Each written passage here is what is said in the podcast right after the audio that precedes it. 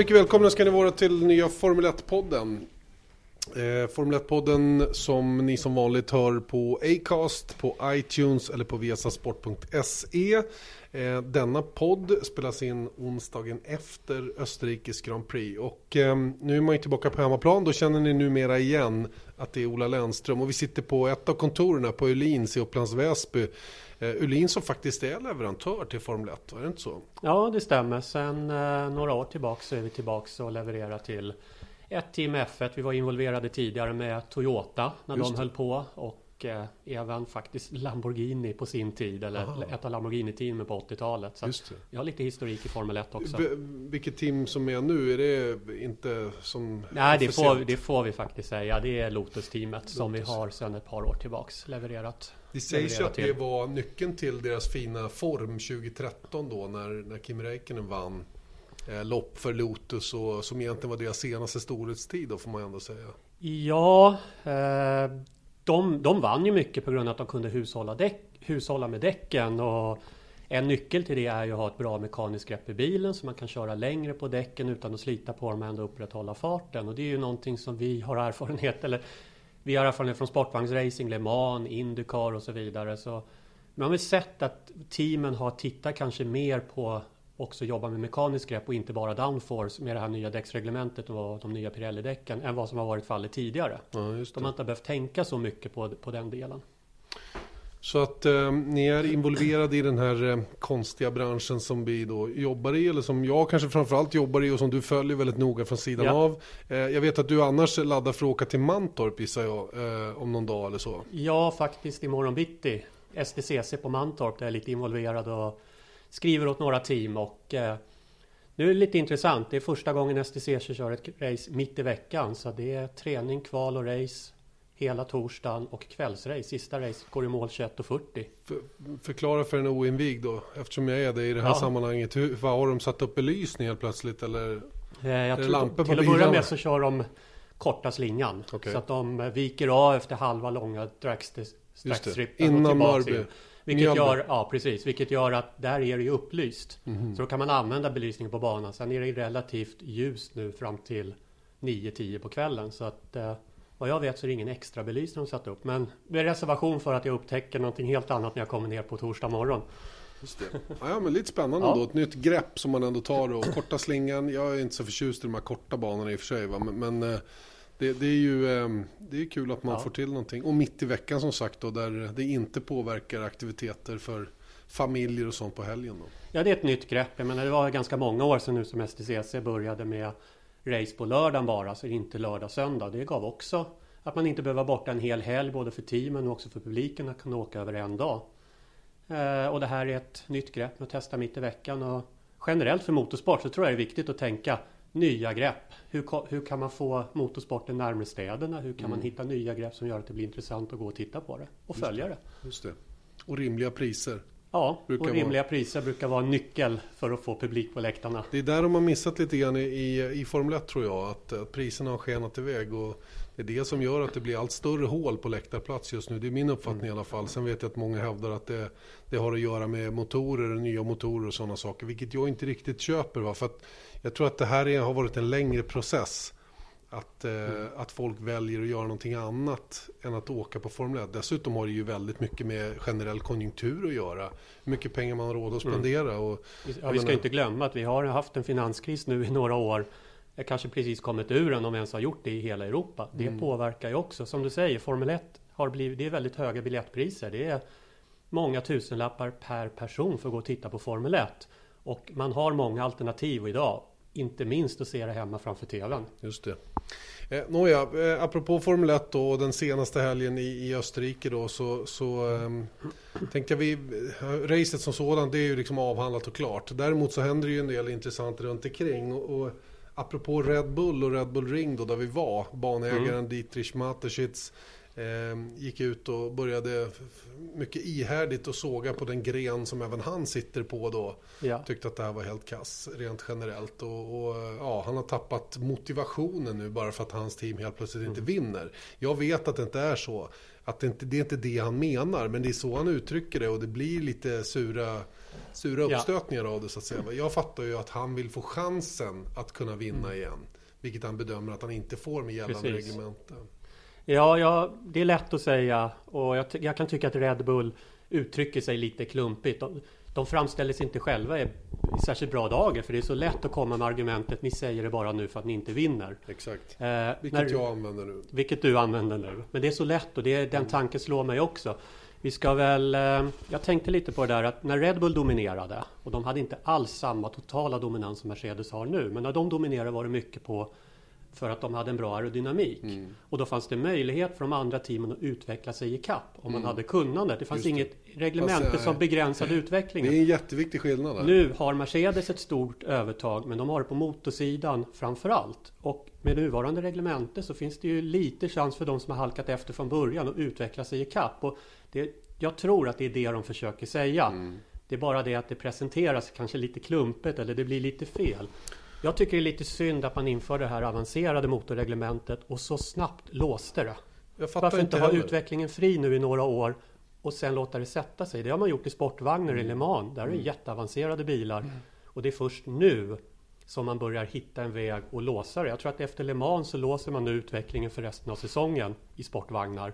Och sen blir det en ny öppning i nästa år. Just det.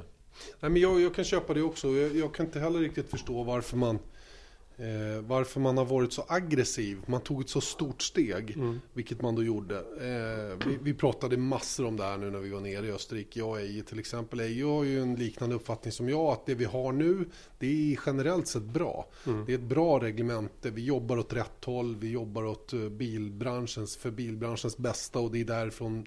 Merparten av pengarna kommer. Men jag tror att steget som har tagits till 2014 blev för stort. Man kapade för mycket bränsle på en gång. Mm. Det hade varit bättre att göra det här i lite mindre steg än att ta det där jätteklivet redan från början. Och när man dessutom då som du är inne på här eh, mer eller mindre i reglementet eh, ju omöjliggör det för den som halkar efter på en gång att mm. kunna komma ikapp under en ganska lång period. Vi pratar alltså fem år till. Precis. Innan, innan det öppnar, eller ja innan man ens, nu pratas det ju om, om, om ny, nytt reglemente från 2017 men det kommer mm. inte att hända, det finns inte. Nej. Alla de investerade pengarna för de motorerna som är just nu, det kommer ju ingen tillverkare att bara kasta bort. Mm. Eh, däremot så, så borde man eh, göra någon form av amnesti här. Ja. Eller hur? Är inte, ja. det, är inte det en lösning? Ja. Och jag tror att eh, självklart Mercedes vill ju helst inte, de har ett övertag, de vill behålla det. Men jag tror att för Mercedes, inte ens för Mercedes själva är den dominansen de har nu särskilt bra. Varje seger de tar bryr, bryr sig fans och publik, media mindre och mindre om. De får ju, de får ju mindre tv-tid till och med i mm, racen mm. nu, för det är ingen som vill se de två bilarna framme. Så att även för Mercedes del tror jag kan vara bra öppna upp och gå med på att vi släpper lite på utvecklingstakten. Vi låter Renault och Honda Ferrari få en chans att utveckla sig i kapp. Mm. Kanske kan det öppna dörren för att ytterligare en biltillverkare vågar kliva in i Formel 1 och se att om vi inte får till det år ett så har vi chans att lägga alla resurser vi har på att få till det år två, tre och fyra. Mm. Som det är idag så är det svårt att se när man ser vad Renault och Honda hur mycket de ligger efter. Att en spelare som Audi eller Volkswagen-gruppen ska gå in i det där. Det finns för mycket att förlora och för lite att vinna. Absolut, va? och det, det är ju i och med att du inte får köra grejerna heller på banan överhuvudtaget innan du kommer in. Det är ju ett annat, annat mm. bekymmer. Å andra sidan, Ola Lennström, mm. som vi knappt har presenterat det i våran podd än så länge. Vi sitter på Elins hem, hemma hos Ola Lennström, marknadschef här på, på Elins i Upplands Väsby. Eh, vi ska ju också komma ihåg att alla de här reglerna som nu finns och som gör mm. att det är ett låst har ju alla teamen motortillverkare varit med och, mm. och, och satt pennan på så att säga. Va? Så, ja. Och jag tror att Red Bull blev nog, eller vi trodde ju alla, jag skulle säga vi, för jag tror att de mm. allra flesta var överens med mig om att eh, Renault skulle ju bli the power. Ja, jag, jag, var helt övertygad mm. om att Renault skulle, Renault var med och drev igenom det här. Ja. Att Mercedes hade någonting på gång kunde man kanske förstå, men att Renault skulle få till det direkt, det var jag helt övertygad om. Ja. Och att Honda när de klev in ett år senare med McLaren. Mm. Efter att, att de ha fått spana vara lite på sidan på Exakt. McLaren Mercedes. Att de skulle vara konkurrenskraftiga i alla fall, eller hänga med i början, var jag också helt övertygad om. Så mm. det är otroligt förvånande att både Ferrari, Renault och Honda har misslyckats så från början. Och de har varit med Renault och Ferrari har ju varit med och godkänt de här reglementena.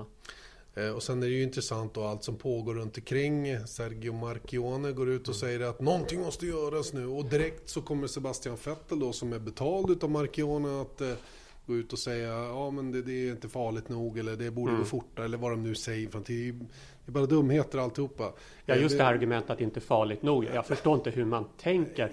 Om man säger vi kanske ska ha lite bättre avåkningszoner så att kör man av så blir man ordentligt bestraffad. Man, man, istället för att fortsätta vara en asfaltslinga. Då är det en sak. Men att säga att det ska bli farligare. Då har man inte tänkt igenom tycker jag vad man, vad man, egentligen, vad man egentligen är ute efter. Återigen är väl det ett, ett slarvigt uttryck Ja. känns det som att man farligare för det är det ingen som vill att det ska bli. Ingen Nej. vill att det ska bli farligare. Jag, för jag förstår ju också här vad människor är ute efter. Va? Och det här, eh, ett argument som jag lä- på min blogg har det Mm. nämligen pågått ganska heta diskussioner de sista Ja, dagarna. Och det finns några stycken som, som väldigt hårdnackat säger att det var bättre förr, V10 var toppen bra och Mm. då gick det galet fort och förarna huvudet på ramla av axlarna på dem Mm. när de klev ur bilen och, och hela den grejen. Va?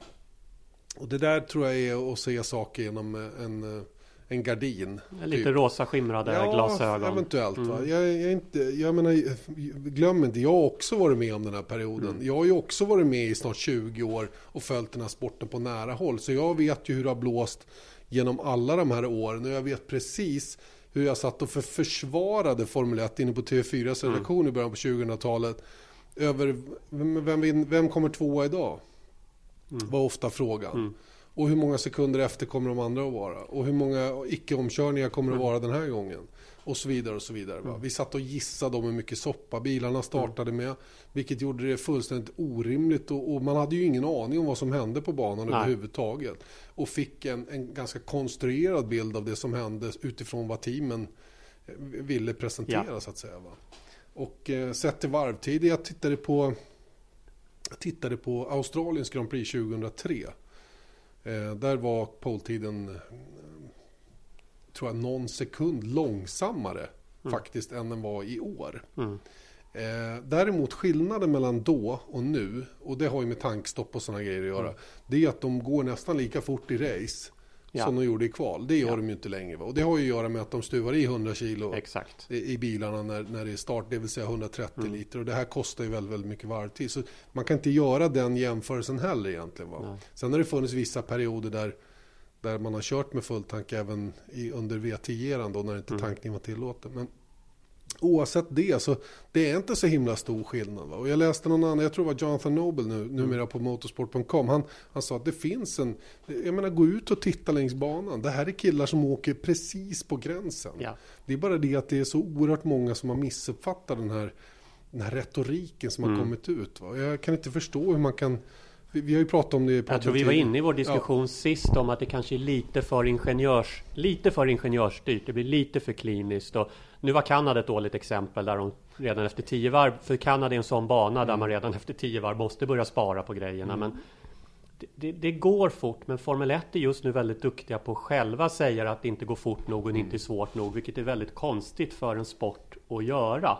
Och det är klart att andra mästerskap hakar på det där och blåser under. Och Media hakar på det och så vidare. Och framförallt förare som har, som har kanske en arbetsgivare som har något Ja. att vinna på att man klagar Ja. på en viss sak. Jag ska inte glömma att Red Bull och Ferrari vill ju gärna lite underblåsa att det är kris nu för att snabbare få till stånd en regeländring. Sen tycker jag att FIA är väl väldigt tysta i det här jämfört med på Max Mosleys tid. Då kanske de var lite väl högljudda. Men FIA har på något vis tagit ett stort steg tillbaks och lägger sig inte i det här. Jag tycker att det är de som ska kliva in och ta lite taktpinnen och säga här är reglementet som gäller. Nej, men är det inte det då? Det, det finns ju ett reglemente. ja, Hallå? men i, disku finns- i diskussionerna Ja. nu så vill alla ändra på Ja, det. men inte FIA. Nej. Och det är de som har, det är deras reglemente. Jag fattar inte heller. Det här är ju bara en massa retorisk Ja. krafs Mm. som pågår för att få saker som man själv vill ha det.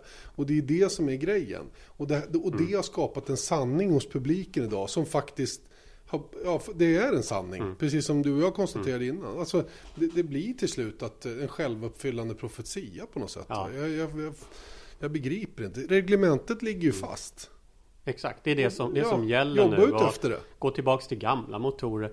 Det kommer ju inte att hända. Jag, jag är den första att säga att det finns nackdelar med Formel 1 idag. Både hur det ser ut på banan, hur sporten styrs och så vidare. Men det är inget nytt. Det har alltid varit. Jag, jag kan se tillbaks med stort leende på de gamla V10-motorerna som varvar 20 000 varv. Men, Ja, men det var ju som du var inne på, då, då var det, det hände inte så mycket i racen och diskussionen inom Formel 1 var lika högljudda då om Mm. att det kostar för mycket, vi, vi måste hitta på något, vi måste ha en öv, omkörningskommission som Mm. tar fram åtgärder för hur det ska bli lättare att köra om på banan och så vidare. Och vi kommer på den geniala idén att kunna flippa vingen, vilket är en genial idé. Mm. Ja. Om den vore lite bättre anpassad och Ja. avpassad, för det är den inte på alla banor. Här i Österrike var den perfekt, Mm. tycker jag.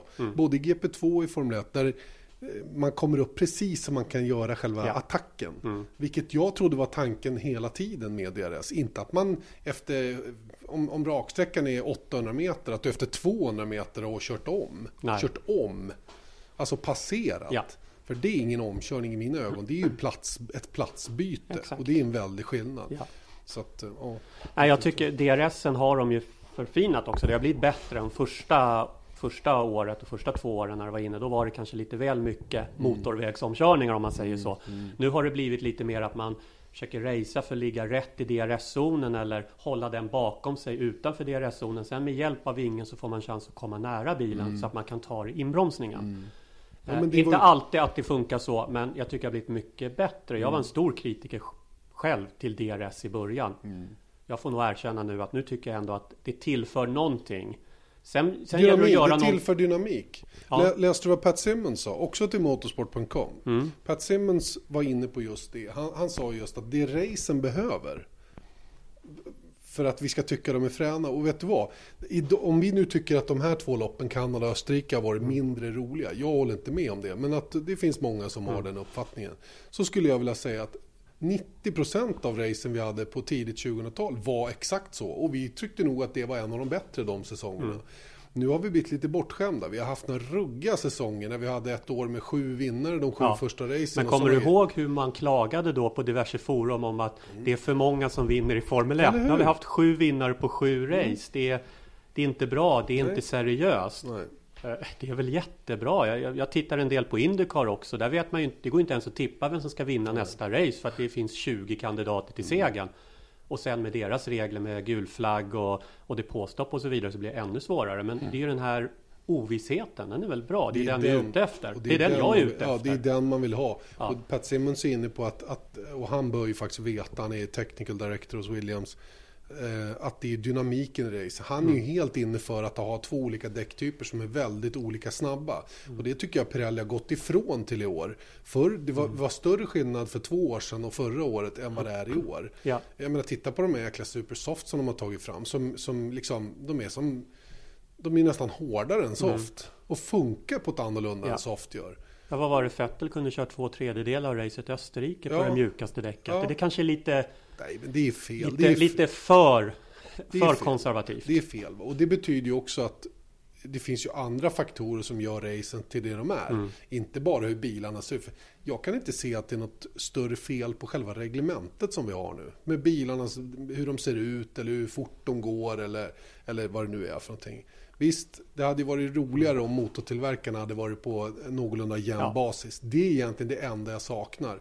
Och att, och att fler team hade en mer ekonomiskt hälsosam Mm. Ja. situation så att de faktiskt orkade vara med och uppdatera Ja.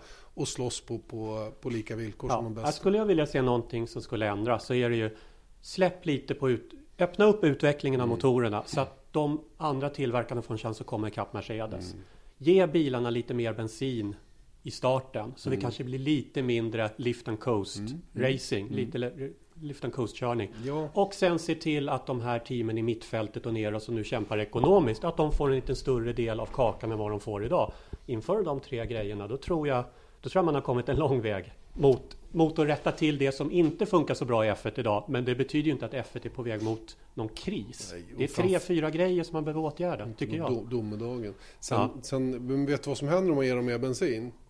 Eller ett högre flöde? Grejen är att då åker du bara fortare. Men Ja. du kommer fortfarande bli tvungen att spara. Ja. Alltså grejen är, för, för ju fortare du åker, ju mer bensin går det Ja. åt. Det, det, jag brukar säga det jämt till mig, så, ja, men det är världens lättaste att få de här bilarna gå fort. Det är bara att, köra, det är bara att göra av med mer bensin. Mm. Ja men det kan du ju inte, för du får ju inte. Nej. Utan eh, grejen är att tillåter du mer, då åker du bara fortare. Men Mm. det går ju åt mer. Så det blir som ett nollsummespel, va? förstår du? Ja, det är sant. Och, och, men grejen är att om man är ute efter varvtid Mm. så kanske man ska öka bensintanken med pff, 10-20 kilo, Mm. inte vet jag. I Österrike tror jag man undertankade. I, I Kanada så räckte det inte till. Nej. Alltså det beror ju lite på på vilka banor man är och hur mycket. Och det här med lift and coast, det har ju också blivit som ett skällsord. Mm. Vilket det inte alls är. Lift and coast har ju funnits i alla tider. Och det Mm. var ju likadant när man körde V10 som var vråltörstiga. Man kunde inte bygga hur stora bensintankar som helst. Nej. Till och med så att vissa bilar hade inte, det fanns inte fysisk kapacitet att bygga bensintankar så att det räckte till. Nej, det precis. Och jag menar det är ju... Ja, det förekom ju bränslesparande Åh, även då. herregud. Av den anledningen du säger. Man, vissa motorer, jag för mig att Honda då på den tiden var väldigt törstig. Ja. Och att de inte kunde ha så stor bränsletank de behövde. Så Nej. Honda-förarna var faktiskt tvungna att hålla igen lite i racen. För att inte behöva göra ett extra depåstopp, Ja. ja. vilket kostar mer tid. Mm. Jag menar hur det än är, det har alltid varit den här typen av kompromisser. Ja. Så sitter man och säger då att, att Lift and Coast bara existerar nu. Och Mm. det här med att de har fått spara på bromsarna. Det, det, I Kanada har jag ju varit med om det sen, sen Häckenen Exakt. exploderade. Ja. Eller hans bromsar pajade på sista varvet. Ja. När var det? I slutet på 90-talet. Ja, precis. Så jag menar herregud, det, har inte heller, det är ju alltid en kompromiss. Just i Kanada vill man ju åka fort, Mm. rakt fram. Ja, då drar man ju ner på kylningen till bromsarna. Överhettar då bromsarna så går de ju av progressivt. Så funkar ju kolfiberbromsar. Och det Felipe Massa hade problem med det i Österrike nu, för det är för lite sådana sträckor där man hinner Mm. kyla ner. Vi hade samma på Bottas tror jag. Och jag tror att vi noterade det i sändning med att det kom väldigt mycket Ja, bromsdamm just precis. från hans bil. Nåja, Så, varför är man så duktig på att prata ner det? Det är, det är den stora frågan. Istället för lite mer konkret Nej, men jag, jag ta... tror jag har svaret på det. Ja. Jag tror jag har svaret på varför vi har den här negativismen just nu. Det är för att det är för ojämnt. Ja, Det är för ojämnt sportsligt och det är för ojämnt ekonomiskt. Det är det stora problemet just nu, vilket skapar en situation där de här som bestämmer i sina respektive läger så att säga då, känner sig tvingade att rent retoriskt gå ut och försöka påverka situationen. Men man gör det då genom att svärta ner varumärket så att säga. Va? Och, och innan någon säger till att nu är det nog ja, nu måste vi börja sköta det här. Så kommer det att, så kommer det att fortsätta. Mm. Och eh, de här människorna i Formel 1, Marchione, Mateschitz, eh, vad heter han, Christian Horner, Ja. Marco, eh, Alonso, vad de än heter, de har en enorm makt. Va? Ja. Enorm makt. Vad de än säger så blir det en sanning. Mm. Och speciellt, är du ett Alonso-fan eller Red Bull-fan eller vad det nu Mm. är för någonting, eller bara en, en, en person som, som ja, kanske är väldigt Ja. intresserad men som inte är riktigt på djupet. Ja, man köper ju de här grejerna som sanningar. Och då blir det ju ett problem. Mm. Så jag tycker sporten har ett, ett stort ansvar att faktiskt försöka se sig själva utifrån ett större perspektiv nu och börja sopa bort allting. ja, och sätta sig ner och börja komma överens och att alla får vara med och vika på olika saker. Absolut. Ehm, Det är väl det positiva det här negativa kan föra med sig. Det är Ja, det man hoppas på i ja, alla man fall. Mm. hoppas, men när, när, när, när startar den processen? Det är, det är kanske på tiden att det blir så. Ja, Ehm, det om detta. Jag Mm. vet, det här kommer säkert att få reaktioner från er som lyssnar och ni kommer Ja. att tycka massor med grejer. men det är väl Och det vi vill. På något sätt är det ju Ja. det. Va? Men samtidigt, va? Jag, vill, jag vill verkligen belysa att jag, jag tycker inte det, och det gör nästan lite återhållen även i bloggen, att, Mm. att varje inlägg som handlar om det här blir ju liksom en enda lång bara, ja men vi har, ja, men vi har sagt det hela tiden, tillbaka till VT, alla har patentlösningar på hur man löser Mm. Ja. Formel 1 problem. Va? Det, det, så är det inte. Mm. Utan, Nej. Ja, vi, får, vi får försöka bida vår tid eller härda ut. Så får vi Ja, vi får vänder. hoppas att det led- leder till lite mer konstruktivt i, i Formel 1 i alla fall. Hoppas jag verkligen. Mm. Eh, lite kul ändå nu när vi har kommit, eh, inte fullt halvvägs in i säsongen. Vi har kört åtta race nu. Eh, Mm. Nionde nästa gång ifrån eh, Silverstone. Ja, Eh, förresten, har du varit i Österrike? ja det har jag varit på Red Jag har varit på Red Bull Ring. För 2012 var jag där och det var väl då Red Bull hade tagit över banan igen och rustat upp anläggningen som den ser ut idag. Och jag tyckte det var en fantastisk anläggning att vara på då. toppenställe, verkligen. Alltså jag har ju varit på några banor, alla utom Suzuka. Mm. Utav dem, och Mexiko då. eh, På de som finns på kalendern. Och jag måste säga att det här var en riktigt, riktigt kul överraskning. Tänk att komma till ett ställe. Jag var ju lite varnad över trafikkaoset som var förra året. På torsdagen i synnerhet när alla campingbilar och allt vad det nu var skulle in och alla ja. skulle komma samma väg för att komma dit. Eh, den här gången hade man lett bort all trafik ifrån eh, infarten till media och, och de som jobbar parkeringen så att säga. Mm. Vi hade inte en bilkö. Det tog 5-10 minuter att köra in till banan. Mm. Vi bodde inne i Nittelfeld. När vi klev ur bilen så var det fem minuter att gå. Så var vi antingen inne i mediacentret eller uppe i kommentatorshytten. Eh, toppenfina hytter, eh, supersnabbt internet, ett gigantiskt eh, mediacenter med mm. jätte... Alltså, ja. Vilket toppenställe verkligen. Ja. Ett, ett mediacafé. Har du hört någon sån ja. absurd som ett mediacafé där man faktiskt kunde äta. Mm. Trots att man många gånger har snålt om tid. Ja, jag vet inte, det, det, var helt enkelt världsklass. Det ska Nej. jag verkligen ge Red Bull och hela den organisationen runt Formel 1. Alltså det, var, mm. det var verkligen super. Ja, jag var där 2012 när det var GT Masters, tyskt GT-race. Och då är det ju inte alls lika stängt som det är på ett Formel 1-race. Och då som publik, eller som jag som hade ett teampass, men man kunde komma in. De hade två restauranger tror jag ovanpå depåboxarna mm. där vem som helst kunde sätta sig och äta lunch eller mm. ta en dricka. Mm. Och man såg nästan hela banan från restaurangen. Ja. Och det var fint fräscht och samtidigt var den här lite old school känslan i banan och mm. omgivningen. Jag tycker ja, det är en mm. väldigt fin anläggning. Mm. mm. Ja, det måste jag säga. Det, det enda som är knepigt kanske om man vill åka dit och se Formel 1 det är ju att hitta något vettigt ställe att bo ja. som är någorlunda nära. Eh, men det, jag tror att det kan lösas också. Mm. Ja, men det, var, det, så här, det var någonstans mitt emellan spa och Budapest-känsla på något sätt. Okay. Eh, ja. Spa ligger ju också lite remote minst ja. sagt och, och är knepigt att ta sig till. Samtidigt är det en väldigt fin bana och fantastiska mm. faciliteter numera. Budapest är ju, ligger lite bättre till men har mm. lite mer skröpligt så här. Så det var, hamnar någonstans mitt emellan mm. där. Nåja, det var bara en kort parentes om det här stället. Jag tyckte Red Bull ja. Ring var, var en kul upplevelse för det var nog en första gången för ja, Det är nog ett av dem, ska jag upp på F1-race eller överhuvudtaget, det är en bana jag skulle rekommendera att besöka. Mm. Och skulle man åka på ett F1-race igen någon gång så skulle den i alla fall hamna högt upp på listan. Det är ju så billigt. Ja, vi har ju sagt det. Eller hur? Du, um, Silly Season då, har den börjat tror du? Det känns som att det börjar komma igång i alla fall. Det har varit ganska lugnt och vi hade en ganska rörig silly season förra året. Mycket tack vare Alonsos vara och inte vara hos Ferrari och så vidare. Eh, känns som det kan bli lugnare men den börjar komma igång och det handlar väl framförallt om vad som händer hos Ferrari. Just vad händer med Kimi Räikkönen? Är det nyckeln tror du?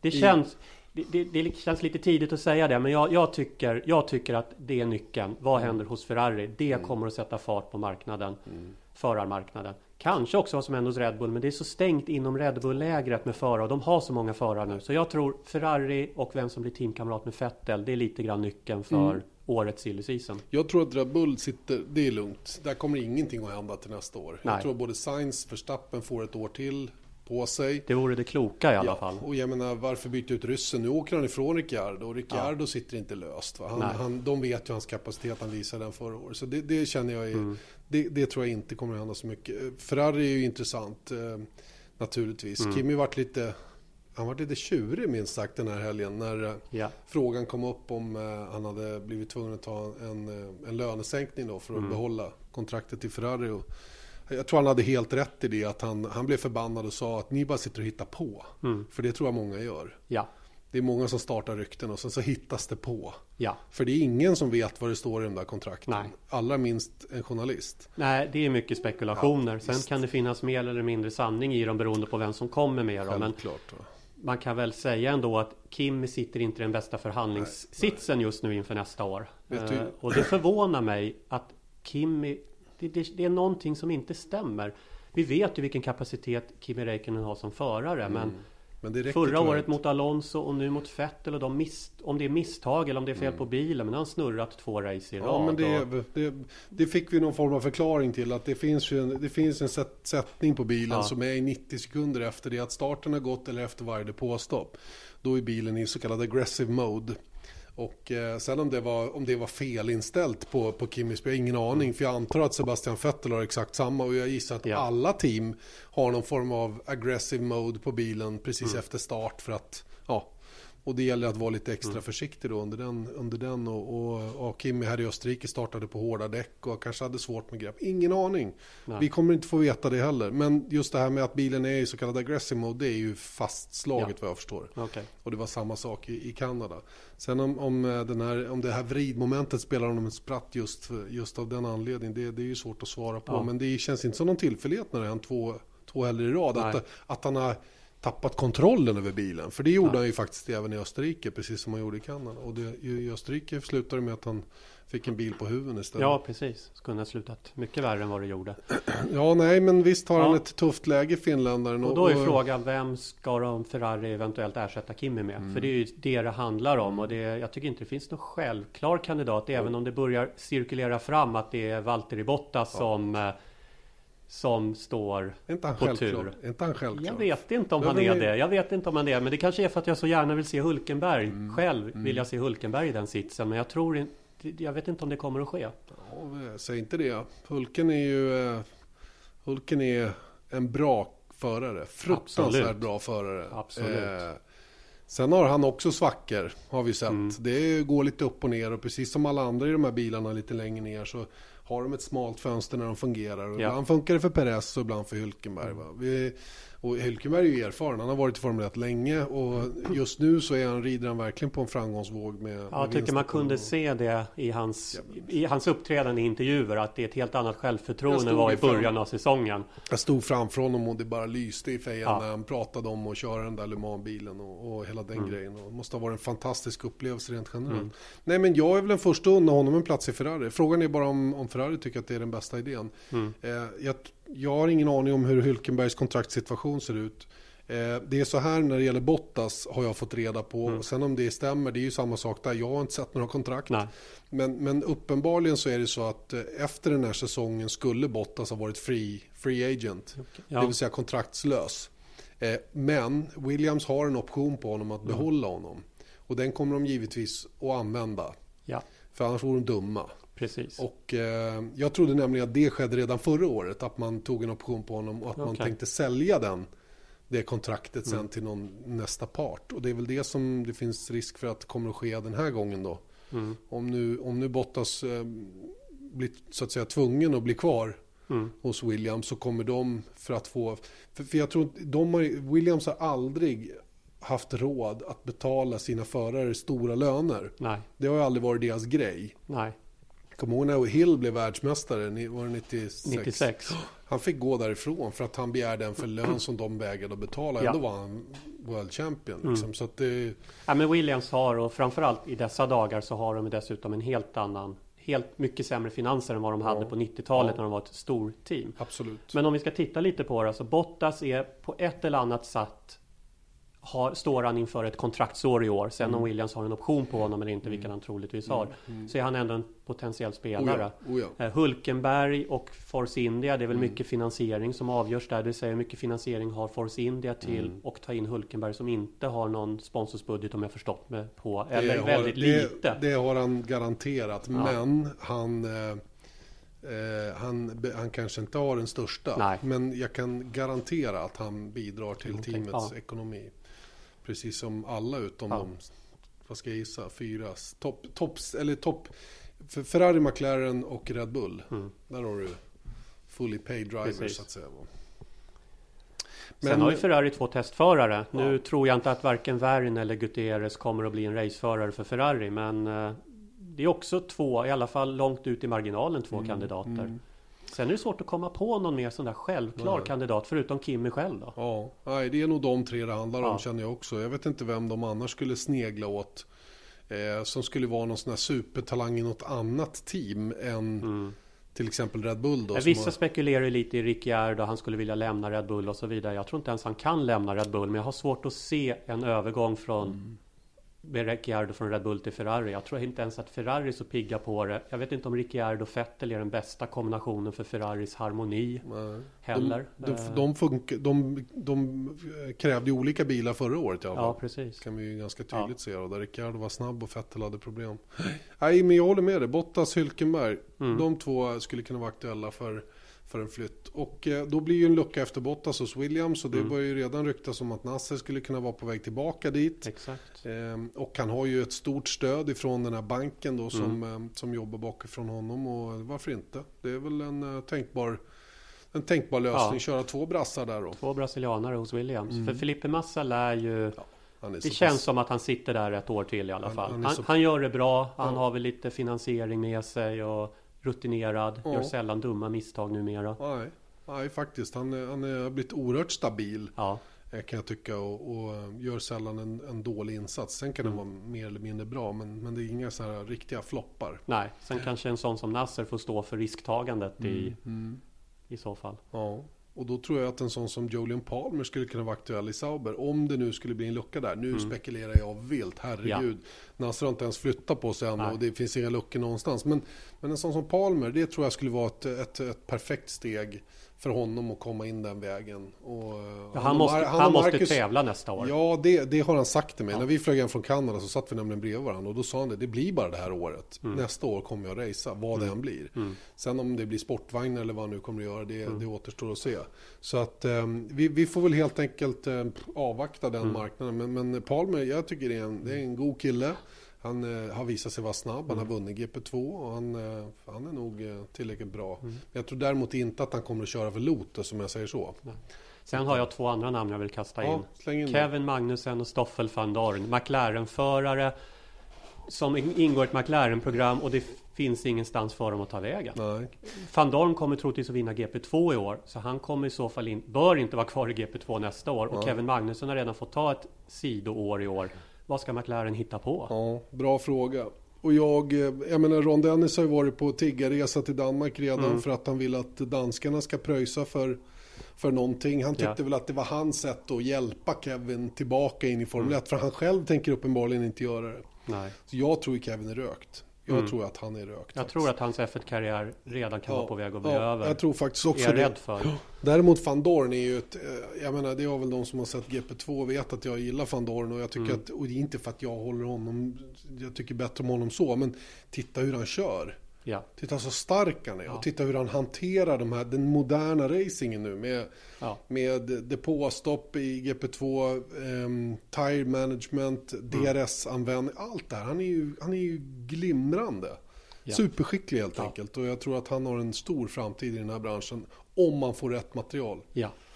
Och eh, var, var det nu är, ja det bygger väl kanske på att Button kanske lägger av eller någonting i den stilen. Va? Nu, Button sa ju att han skrev på ett flerårsavtal förra året. Alonso Mm. lär inte flytta på sig första Nej. taget, inte förrän de börjar gå någorlunda bra. Nej. Så att eh, Van Dorn och delvis Kevin då får väl hoppas på att Honda kanske levererar motorer till något mer team. Manor. Men, Som det pratas om. Sen Men- ska sen vara ett nytt team nästa år. Vi har Haas Ferrari.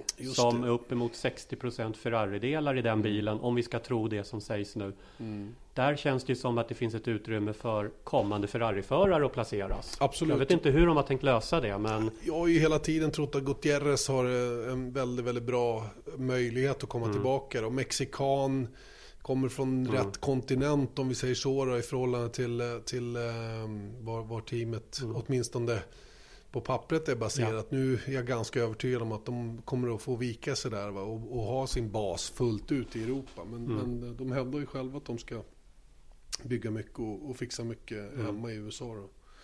Eh, nej, det blir spännande. Jag tror som sagt Gutierrez borde ligga bra till för den platsen. Mm. Och sen, ja, varför inte Alex Rossi från GP2 då, om de Ja. behöver en amerikan. Några Eller- andra amerikaner står inte och knackar på dörren direkt. Josef Newgarden från Indycar har det spekulerat lite Mm, om. mm. Eh, nu har han en ganska bra situation i Indycar. Han har slagit igenom i år och börjat vinna race. Men Mm. eh, ja, det är en sån förare som jag tror skulle kunna lockas av att bli en F1-förare. Mm. Och hoppa på något sånt som Haas. Men det är ett otroligt riskfyllt val för en sån förare tror jag. Visst är det det. Och det är framförallt väldigt, väldigt mycket dyrare än att skrapa ihop det det kostar att åka Ja. Indycar. Så att, Oh, ja. mm.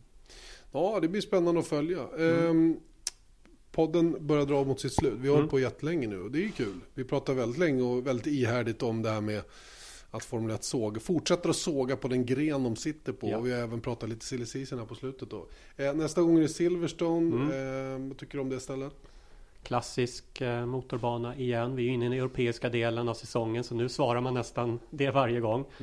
Ehm, att någonting annat, att någon skulle hota Mercedes där är väl Finns det, det finns inte. Kommer Ferrari att gå bra där? Ja, troligtvis. Kommer Red Bull att gå bättre där? Jag vet inte 17. De säger det själva, men eh, hur bra? De har problem med motorn, men hur bra är deras bil egentligen Mm, ja. utöver motorn? Det Jag tycker inte den ser helt klockren ut i alla fall. Nej, och så inte när Ricciardo säger till mig att, att eh, de har problem att hetta upp däcken. Ja, då är det då och ju... jag frågar, men hallå, ni har ju kanske det bästa chassit på griden, eller i alla fall haft det. Mm. Vad skulle ni ha problem med de bitarna? Det brukar ju vara team som inte, ja då menar han på att det är när man kör rakt fram som man genererar mest värme. Ja. Mm. Så det var väl någon sån förklaring. Jag tror inte att Sauber kommer att se så bra ut tyvärr. Nej. Fortfarande brist på downforce. Eh, Ja, det är något som inte... De har halkat efter nu, Oj, tyvärr. oj, oj. Eh, Det. Nej, men de, de håller ju med nöd och näppe McLaren bakom sig och Manor Ja. kommer ju aldrig gå ikapp. Så att de, de är där Mm. bakom nu. Och jag menar, det vart ju ganska tydligt också senast. Hade Marcus inte gjort sin tjuvstart, Mm. då hade han varit med och slagits med Nasser om samma position. Runt 11-12, Ja, där precis. någonstans. Och det är där de ligger nu. Ja. Så att det, det finns inte så mycket mer för dem att göra. Eh, Den tjuvstarten var ju för övrigt tråkig. Så, det var väl ett race som Marcus Eriksson helst inte vill eh, komma ihåg något mer. tror Nej, det där tror jag är nog bäst att glömma och lägga till handlingarna. Mm. Eh, Tjuvstarten är inte så mycket att säga om. Straffet är inte så mycket att säga om. Förutom att jag inte förstår hur han kan få straffpoäng på licensen. Nej, det- utöver det. Att han får ett drive-through straff. Det, det står ju klart och tydligt i reglerna. Men att det ska bli licenspoäng på en Ja. tjuvstart. När man dessutom bromsar till och står still igen. Ja. Svårt Det är väl det att han skapar men- en farlig situation genom att inte fullfölja tjuvstarten då så att säga. Exakt. Det, det, inte vet jag om det är sådana hänsyn. Ja, han, vi han aldrig diskutera saken överhuvudtaget efter racet. Så jag, jag vet inte vad han har fått för besked om varför han fått de där poäng, eller ja, straffpoängen. Men jag kan tycka det är hårt. Jag kan till och med tycka att en drive-through är hård. Sett till vad han vann sportsligt på det, nämligen Ja, ingenting. men där är reglerna så pass tydliga. att Gör en tjuvstart oavsett om du vinner på det eller inte så är det drive-through eller stop-go. Så att det är nog bara att gilla, gilla det läget tyvärr. Ja. Så är det. Mm. Okej, Silverstone som sagt, jag eh, åker dit. Så att eh, vi Trevligt. eh, hoppas kunna ha en bra gäst. Mm. För, förra veckan så hade jag, lovade jag ju Mark Hughes till, till den som gick förra veckan då när vi hade Fredrik och Petersens istället. Då. Får se om jag får tag i Mark den här helgen som kommer. Mm. Eh, en som jag ska åka hem och besöka som blir en, fram, en framtida podd är Björn Wirdheim. Eh, Björn bor ju Spännande. bara 25 minuter ifrån banan där. Så Mm. vi passerar förbi honom eh, en av kvällarna och eh, gör en podd som, som kommer inom någon vecka eller två. Ja. Eh, har även en dejt med Finlands motsvarighet till mig själv. Oskar Isari. Mm. Jag tänkte han och jag skulle få bli nästa veckas podd. Vad tror du om det? Det tror jag blir, eh, det kan bli en kul diskussion. Egentligen Mm. tycker jag alla gäster du räknar upp är intressanta. Och det ska bli kul att höra från Björn Wirdheim igen som har kört mycket borta i Japan sen Fyra tio år. form, 4-10 år där. Och nu har han börjat köra lite i Europa i LMP2 i sportvagnar. Det ska bli kul att höra hans synpunkt på det hela nu när han kanske har lagt när han har 10 års distans till Formel 1 också. Exakt, exakt. Om, eh, ja, nej men Mm. roligt, roligt. Björn eh, bor i England alltså och tävlar i japanska Ja. Lilla GT-klassen då, GT300. Eh, Okej, då, då säger vi så tycker jag. Det gör vi. Ha en trevlig resa ner till Mantorp och lycka till med all- alla dina uppdrag där nere. Tack så mycket. Ha en trevlig resa till Silverstone. Tack.